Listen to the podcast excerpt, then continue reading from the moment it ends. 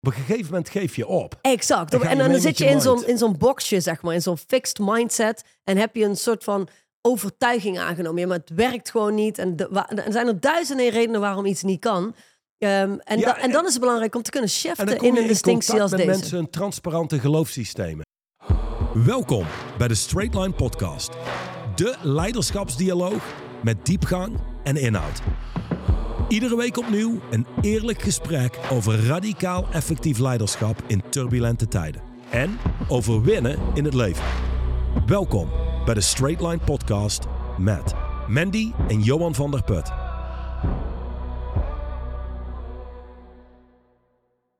Welkom bij deze nieuwe aflevering. Waarin de distinctie centraal staat. Deze distinctie, luister goed, hier komt hij. Hoe het gedaan kan worden versus waarom het niet gedaan kan worden. Hoofdstuk 47. Het eerste wat in me opkomt is die hoeveelheid mensen die dan zeggen: Ja, ja ik ben gewoon iemand die eh beren op de weg ziet. Hè? En Mm. eh, ja, noem het een pessimist, maar dat is gewoon wie ik ben en hoe ik kijk naar de wereld. Heb je daarop te zeggen, Mandy? Ja, helemaal niks. Of is dit andersom? Jij stelt die vraag aan mij en dan geef ik antwoord. Nou ja, ik heb daar, ik heb daar in ieder geval niks op te, op te Dat soort mensen wil je ontslaan uit je Ja, organisatie. Dat soort mensen wil je gewoon niet in je omgeving hebben. En als je ze in je omgeving hebt, omdat ja, ze onderdeel zijn van de familie en je kunt er niet echt vanaf, gebruik ze dan als de ultieme eh, ja, soort van trainingstool. Ik had van de week een, eh, een online meeting waarin ik een voorbeeld uiteenzette van een dame die ik onlangs was tegengekomen bij ons in het dorp. En Oh ja, ehm, die, eh, ja, weet je nu al. En eh, die, die is altijd in conflict met andere mensen, maar het ligt nooit aan haar. En je krijgt altijd hele lange verhalen. ja. En, Wij hadden zulke fantastische buren, maar zij, ongelooflijk. Dus zij treft het altijd. Ja, ze treft altijd slecht, inderdaad. En ehm, iemand eh, uit onze membership, die stelde mij toen de vraag... Goh, maar word jij daar dan niet doodmoe van om naar zo iemand te luisteren? Vind je dat niet echt dodelijk vermoeiend? Waarop ik zei, nee, ja, ik niet. Ik bedoel, ik weet wie zij is. En ik heb verder geen verhalen over... Ik heb geen verhalen draaien op het moment dat ik met haar in gesprek ben. Dat ze over, anders zou moeten zijn. en Oh dat ze my god, en oh, moest daar denken. gaat en- ze weer. En oh, dat zei ik altijd. Ja, die gedachten die zijn misschien wel ergens op de achtergrond, maar daar ben, ik, daar ben ik niet mee bezig. Ik ben bezig met haar en ik zie vooral iemand die het zichzelf heel moeilijk maakt. Eh, nou, dat, dat is wat je wilt doen als je dus zo'n zeikert in je familie hebt. Gewoon zie die persoon als, hey, hij of zij maakt zijn of haar eigen leven gewoon heel ingewikkeld. Jij hoeft daar geen last van te hebben. Het hoeft niet vermoeiend te zijn en het hoeft je geen energie te kosten. En als dat het wel doet, dan ligt dat niet aan die ander, dan ligt dat aan jou. Oké, nou ja, goed. Hoe gaan we om met klagers? Eh, we gaan om met klagers door er gewoon geen aandacht aan te besteden, meneer Van der Put. Dat is wat wij doen met klagers. En we gaan door. Dan, dan komen ze ook van automatisch af. Dus als je geen weerstand geeft en je knikt, dan hm, oké. ja, dat is En waar. je luistert, dan kijken ze je na verloop van tijd aan. Een soort van, kom met een reactie. En dat doe je dan niet. En dan loopt het gewoon vast. Dat is waar, dan, dan loopt het een beetje dood. Dat is absoluut waar. Eh, daarnaast, eh, voor iedereen die luistert en die zegt... oh ja, ik heb ook van die klagers. en nog zo, zo dodelijk Stop te vermoeiend. klagen over die klagers. Exact. Het feit dat een klager vermoeiend is als jij ermee in gesprek bent... komt door jouw eigen interne werelddialoog en niet door die klager. Even één ding, los van deze distinctie. Uh, dat kunnen we daar ook meteen mee afrekenen. Die mensen die zeggen, ja, ja ik, ik omring met liefst met mensen die energie geven. Oh, die energiesukkers, die cheese-sukkers. De bottom line is, niemand kan je energie kosten. En in de kern kan niemand je energie geven. Het is nog steeds iets wat je zelf creëert. Je en daar ligt zoveel kracht in. Er ja, ligt en- zoveel en kracht en power zijn van mensen, zowel, oh, die geeft me kracht of, oh, die kost me energie. Ik zou zeggen, het, beide is overbodig. Amen. Het is allemaal overbodig. Je hebt het allemaal zelf in de hand, mensen. Je hebt het allemaal zelf in de hand. Dus, we gaan nu daadwerkelijk naar de distinctie van dit Goed hoofdstuk. ja. Hoofdstuk 47, hoe het gedaan kan worden versus waarom het niet gedaan kan worden. Je hebt nou eenmaal mensen die altijd een reden hebben waarom iets niet kan. En je hebt mensen die altijd uitvogelen hoe iets wel gedaan kan worden. En dat komt doordat onze geest, ons brein, uitzonderlijk creatief is. Luister maar eens naar wat Duchan daarover te zeggen heeft. De menselijke geest is een super creatieve biologische computer. Je kunt je brein gebruiken om verbluffende resultaten te creëren, maar je kunt je brein met dezelfde creativiteit ook gebruiken om je eigen falen goed te praten. Dat is waar. Dat is waar. Punt. Punt. Daar gaan we verder niks over zeggen. Door naar het volgende. Oké, hey, ehm, er zijn nou eenmaal mensen die altijd eh, komen vanuit waarom iets niet kan. Nou, je hebt van die typische mensen die eh, ge- ge- gebouwd zijn om iedere beer op de weg te spotten en iedere mier op de weg ook. Eh, en je hebt mensen die altijd gewoon kijken naar kansen en mogelijkheden en voorwaarts bewegen. Wat maakt fundamenteel het verschil tussen die twee mensen? Wie ze zijn. Mhm. En het resultaat wat ze weten te produceren. Ja, dat is het gevolg van wie ze zijn. Ja, maar Ja. dat is het verschil. Dus de, ik wil het helemaal niet terugbrengen naar pessimist en optimisme. Eh, Nee, we gaan want- het toch even doen. Ja, want het is niet helemaal wat het is, maar het maakt wel dat mensen me makkelijker kunnen horen.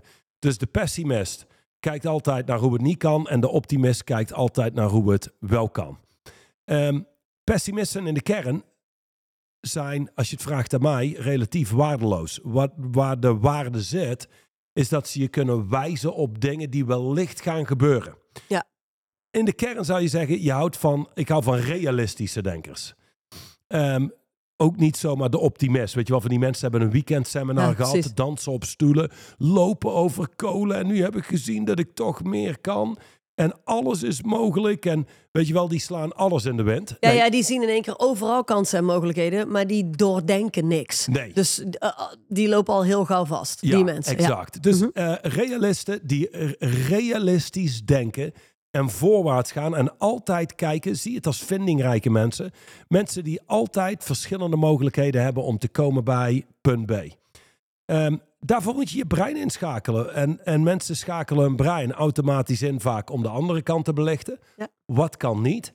Dat is makkelijk, want daarmee kun je ook iedere vorm van verantwoordelijkheid ontlopen om vervolgens tot actie over te gaan. Het belangrijkste om te beseffen is wellicht dit. Het zijn alle twee gecreëerde posities. Niemand wordt geboren als iemand die alleen maar kan kijken naar de wereld vanuit hoe dingen niet kunnen. Nee. En niemand wordt geboren vindingrijk, acht verschillende oplossingen voor iedere uitdaging. Dat beide is gecreëerd en is een gecreëerde houding. Het probleem zit hem in dat de doelgroep die ziet hoe het niet kan, niet ziet dat het een gecreëerde houding is. Dit is wie ik ben. En blijven ronddraaien in diezelfde cirkel. Dan maak je je leven complexer. Er zit weinig kracht in. Er is eigenlijk geen enkele reden om daar te blijven hangen. Los van het feit dat het een. Zie het als een fixed identity. Het is gewoon wie mensen zijn. Ja. Binnen je organisatie wil je mensen eruit halen, want ze houden de hele boel op.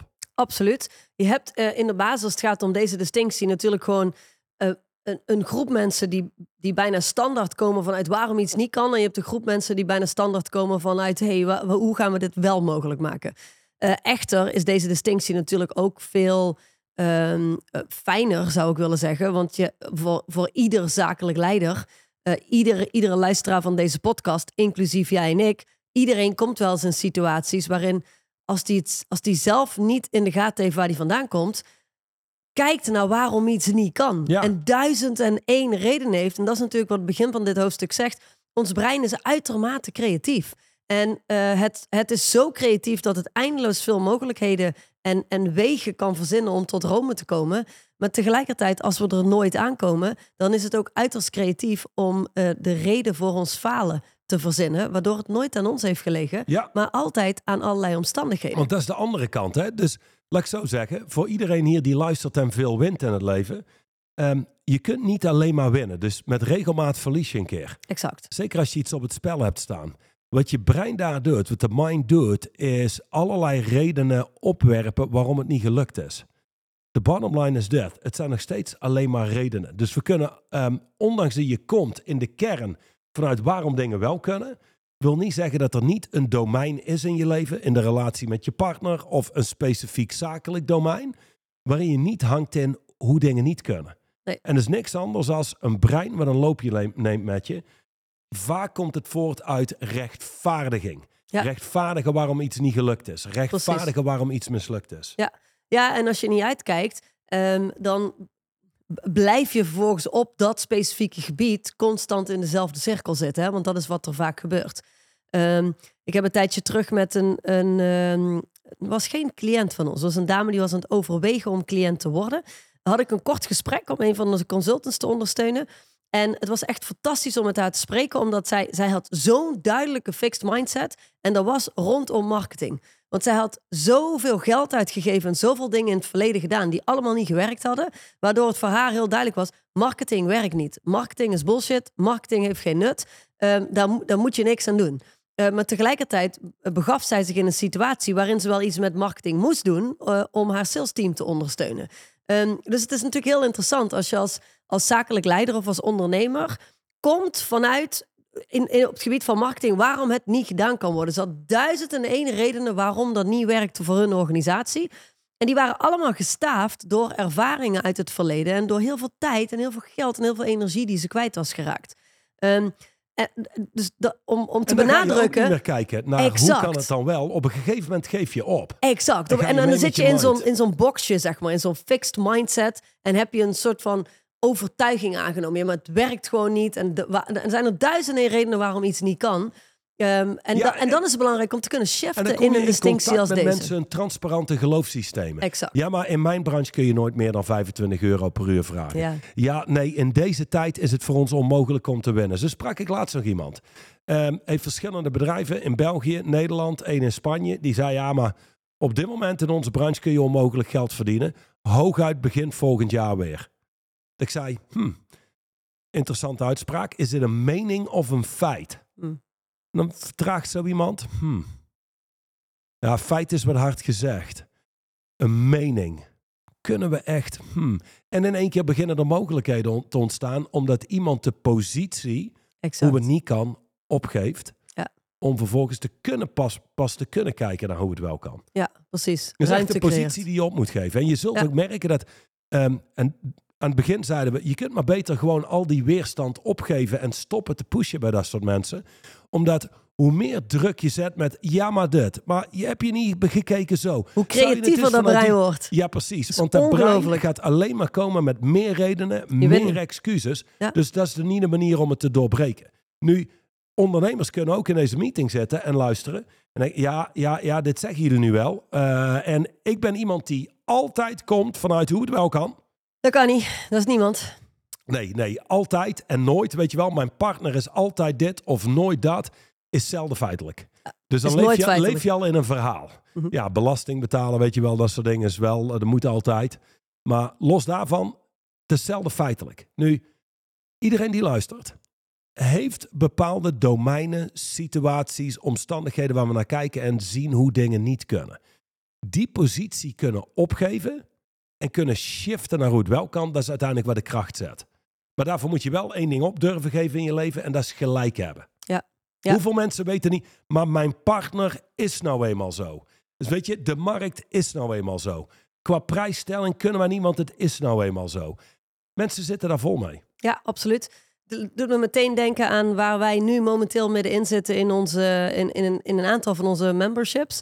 Ehm, als het gaat om well-being, hè, we hebben gesproken over interpersonal well-being. En hoeveel van onze leden gezien hebben dat, ehm, dat ze eigenlijk aan de kant van waarom het niet gedaan kan worden in hun persoonlijke relaties, in hun liefdesrelatie, zeg maar, de, partner waar ze mee samenleven. Ehm, want je, je leeft op een gegeven moment zo lang samen dat je, dat je blind bent geworden voor kansen en mogelijkheden die er liggen. Eh, wij hebben dan speciale opdrachten in onze lidmaatschappen waarop wij mensen eh, vragenlijstjes meegeven en dergelijke, dat ze in gesprek gaan met hun partner. En in één keer ontstaat er een he- hele wereld aan mogelijkheden en een hele wereld waardoor een relatie wel kan transformeren. Waardoor die wel opnieuw uitgevonden kan worden. De, de- de- ik vond het heel leuk. Er was één lid eh, waar ik van de week mee sprak. Die zei de week daarvoor... Ja, maar ik ga deze oefening niet doen... want mijn partner staat hier gewoon niet voor open. Die staat hier gewoon niet... Die, die had letterlijk een hele lijst van redenen... waarom dat gesprek niet gevoerd kon worden. Ja, ik heb niet gewerkt aan die lijst. Ik ben niet excuses gaan tackelen. Maar we hebben gekeken naar... wa- wa- wa- wat, wat is hier nou eigenlijk werkelijk gaande? Het mooiste was dat hij uiteindelijk zei... Ja, heel eerlijk... Ik heb een hele hoop zaken die ik heb geleerd in het lidmaatschap, allemaal op haar geprojecteerd, terwijl ik het zelf eigenlijk niet echt heb toegepast. Dus heeft geen zin meer in deze gesprekken. Ah, oké. Eh, wat interessant was, want het allereerste gesprek waar wij hem uitnodigen om te hebben met je partner vanuit Straight on Leadership, dat is die vervolgens niet bereid om te hebben. En ik snap wel waarom, Want dit was een gesprek waarin hij niet kon wijzen en projecteren naar zijn partner, maar waarin uitgenodigd werd om feedback te geven op hemzelf. Te gekke, te gekke cliënt, want hij heeft uiteindelijk het gesprek met zijn partner wel gehad. Uh, en sterker nog, hij, hij zei ook echt dat hij erachter was gekomen dat zij in een fase zat waarin ze heel graag aan een gezin wilde beginnen. Hij in een fase zat waarin hij zijn carrière het allerbelangrijkste vindt. Um, en wil zorgen dat zij straks aan een gezin kunnen beginnen zonder dat er ooit nog financiële zorgen hoeven te zijn.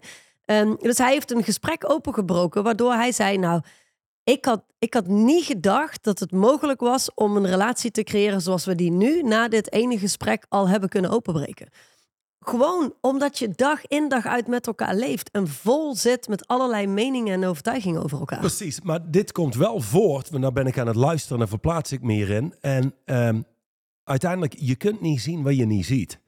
Dus je hebt de wereld waarvan je weet dat je dingen weet. Weet je wel, je, ik weet dat ik goed ben in coaching. Alles wat te maken heeft met menselijke performance. Ik weet dat ik niet goed ben in Chinees. Chinees.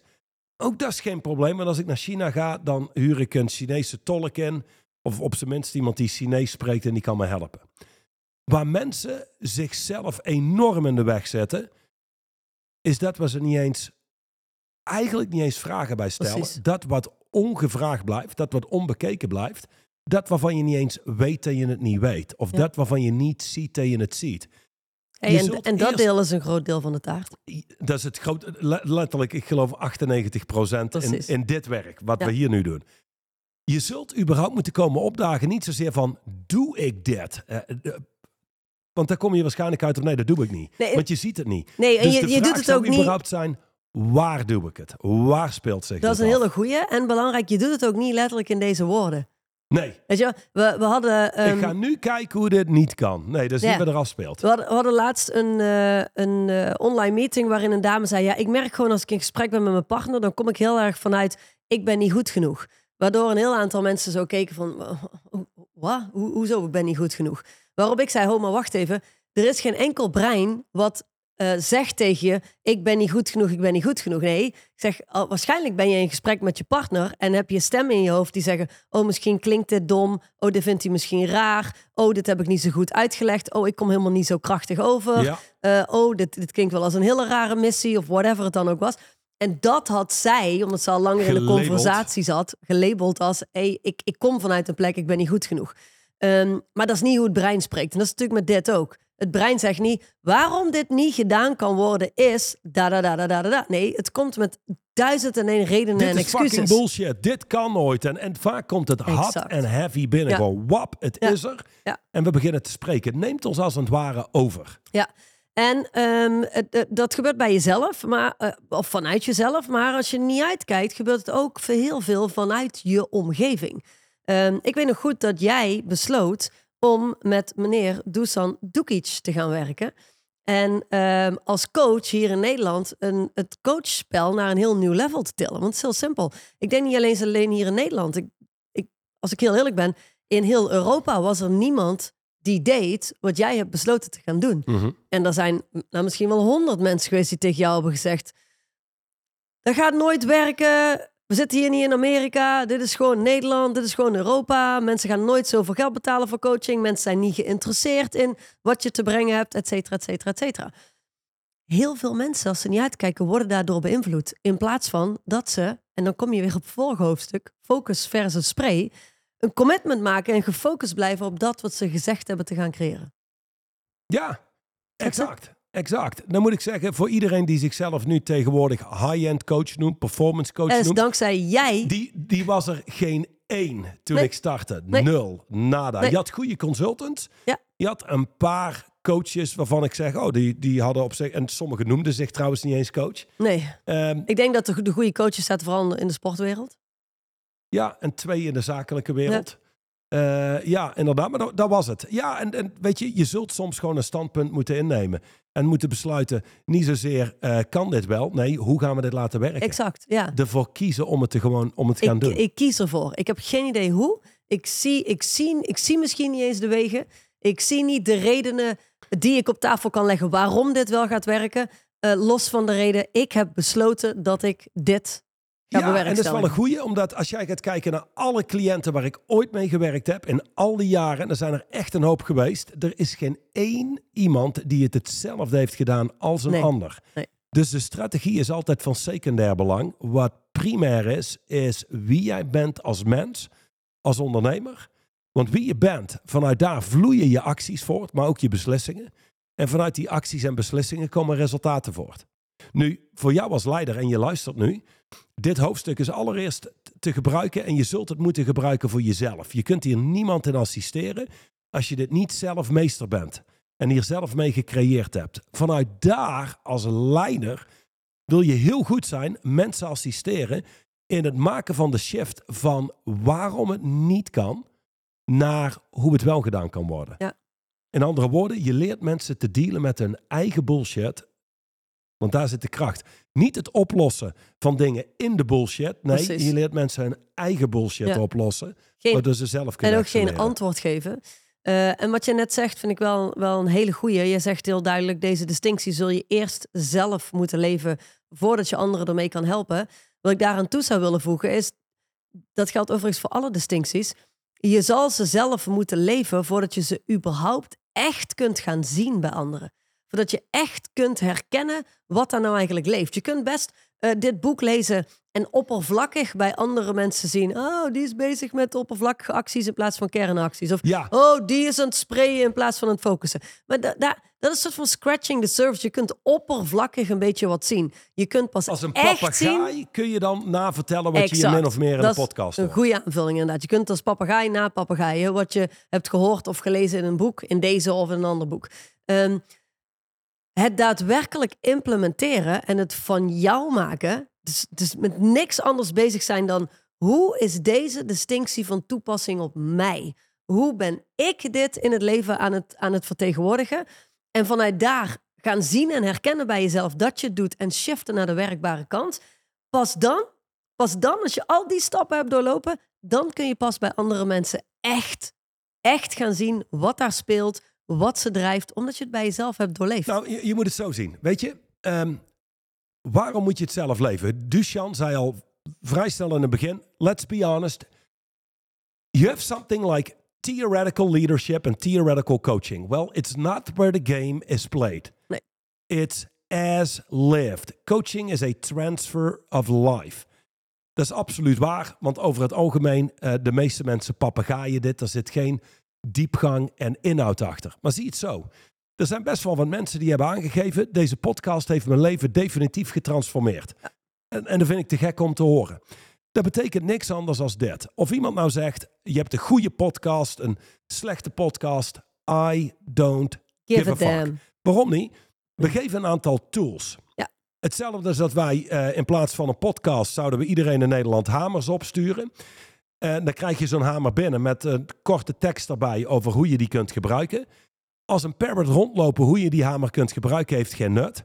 Of als een eh, vijand, eh, waarom die tekst die daar staat niet waar is. Precies. die heb je ook nog? Ja, ja, ja, exact. exact. Die zijn het beste, denk ik. Ja. Ehm, ook daar trek ik me niks van aan. Als je die hamer gebruikt en je bent dat ding meester, dan pas kun je mensen echt helpen bij het implementeren. Hoe je hem vastpakt, wat je ermee kunt creëren. Weet je, er gaat een hele wereld open. Zie het als volgt. Nog een andere metafoor. Jij kunt hier zitten en ik kan jou vertellen hoe je balans houdt op de fiets. En we doen een twaalfdaagse theoretische cursus. En jij weet alles van balans en je kunt er een seminar over houden. En dan komt het moment waarop je op de fiets stapt. En dan zul je daadwerkelijk in de praktijk onderscheid moeten maken in balans en anders lig je daar. Ja. En dat gaat sowieso gebeuren. Ja. Dus iemand die nooit op een fiets heeft gezeten en gebalanceerd heeft, die dat theoretisch overdraagt, heeft natuurlijk een stuk minder tanden, diepgang Heeft en niks. inhoud. Ja. Dus En sterker nog, om, om, om in balans te kunnen zijn, om te leren balanceren, moet je uit balans raken. ja, anders kun je nog- nooit onderscheid maken nee, in balans. precies. Ja. Dus dat betekent in dit geval, weet je, je krijgt een aantal tools aangereikt. Het belangrijkste in deze podcast is niet de tool, is niet Mandy, is niet ik, ben jij die luistert. Jij die toepast wat hier uiteen wordt gezet, mee experimenteert, mee creëert, het eigen begint te maken, het meester begint te maken. En dan kun je toepassen op anderen. Dan kun je anderen pas echt helpen. Voor die tijd ben je gewoon een van die eikels die anderen goed weet te vertellen hoe het moet. Zonder dat je zelf in staat bent je eigen anus te kunnen vinden met twee handen. Om het heel mooi te verwoorden. Ja, en, eh, en het, het mooiste is nog, op het moment dat je het daadwerkelijk gaat toepassen in je eigen leven, dan hoef je daarna niet eens te gaan focussen om het toe te passen op anderen. Het is, het is een soort van logisch gevolg. Ja. Het is, het is echt letterlijk een logisch gevolg. Mensen leren van wie je bent, niet van wat je zegt. Mensen leren van wat je doet, niet van wat je zegt. Mensen leren van het resultaat dat jij in staat bent om te creëren en niet van de mooie verhalen. Wil je nog iets toevoegen aan Ja. eh, hoe het gedaan kan worden? Varen? Oh, ik heb er nog een mooie quote. Oh. Zullen we de quote doen? Ja, All right. Nobody said you couldn't go out of the box. You assumed there was a box. And you assumed there was a rule. and the driven know there are no rules. Only how things are done most of the time. Oh, Dus, dat is een ehm, goeie. Ja, nee, weet je, we spreken inderdaad allemaal over een box en out of the box. In de kern is die er niet. De- we hebben eh, hoe dingen gedaan worden in de praktijk.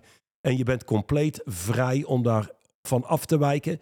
Hetzelfde als heel veel mensen geven bakken met geld uit aan een MBA. En dan weten we precies hoe je een business moet runnen.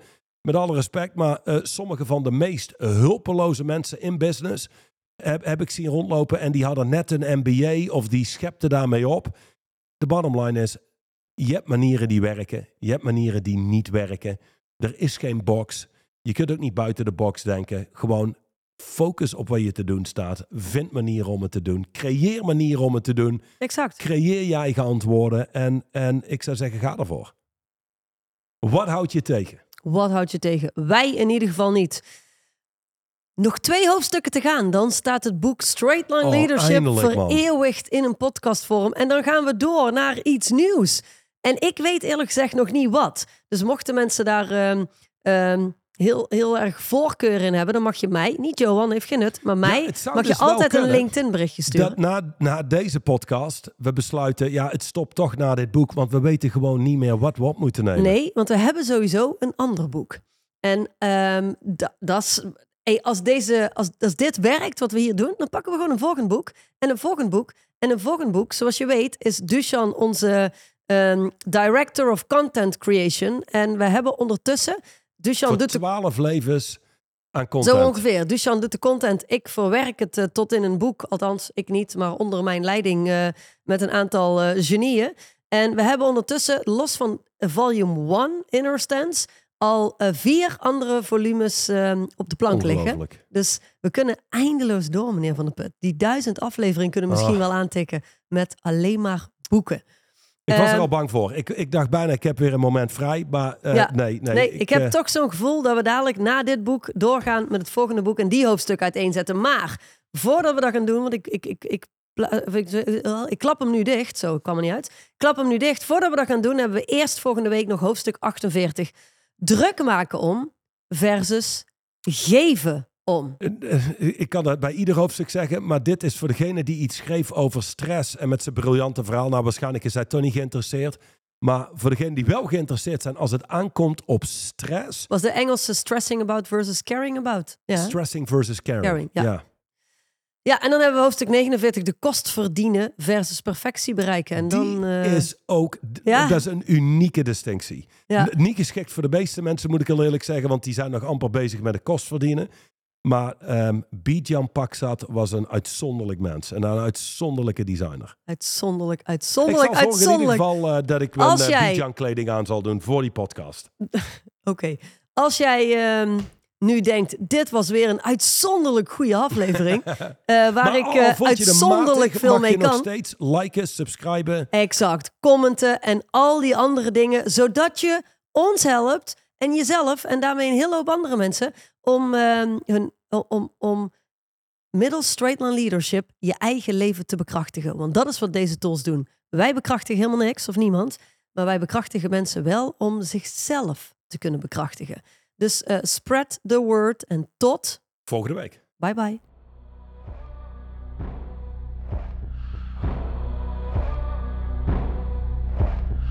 De overige podcast beluisteren of deze nog eens terugluisteren.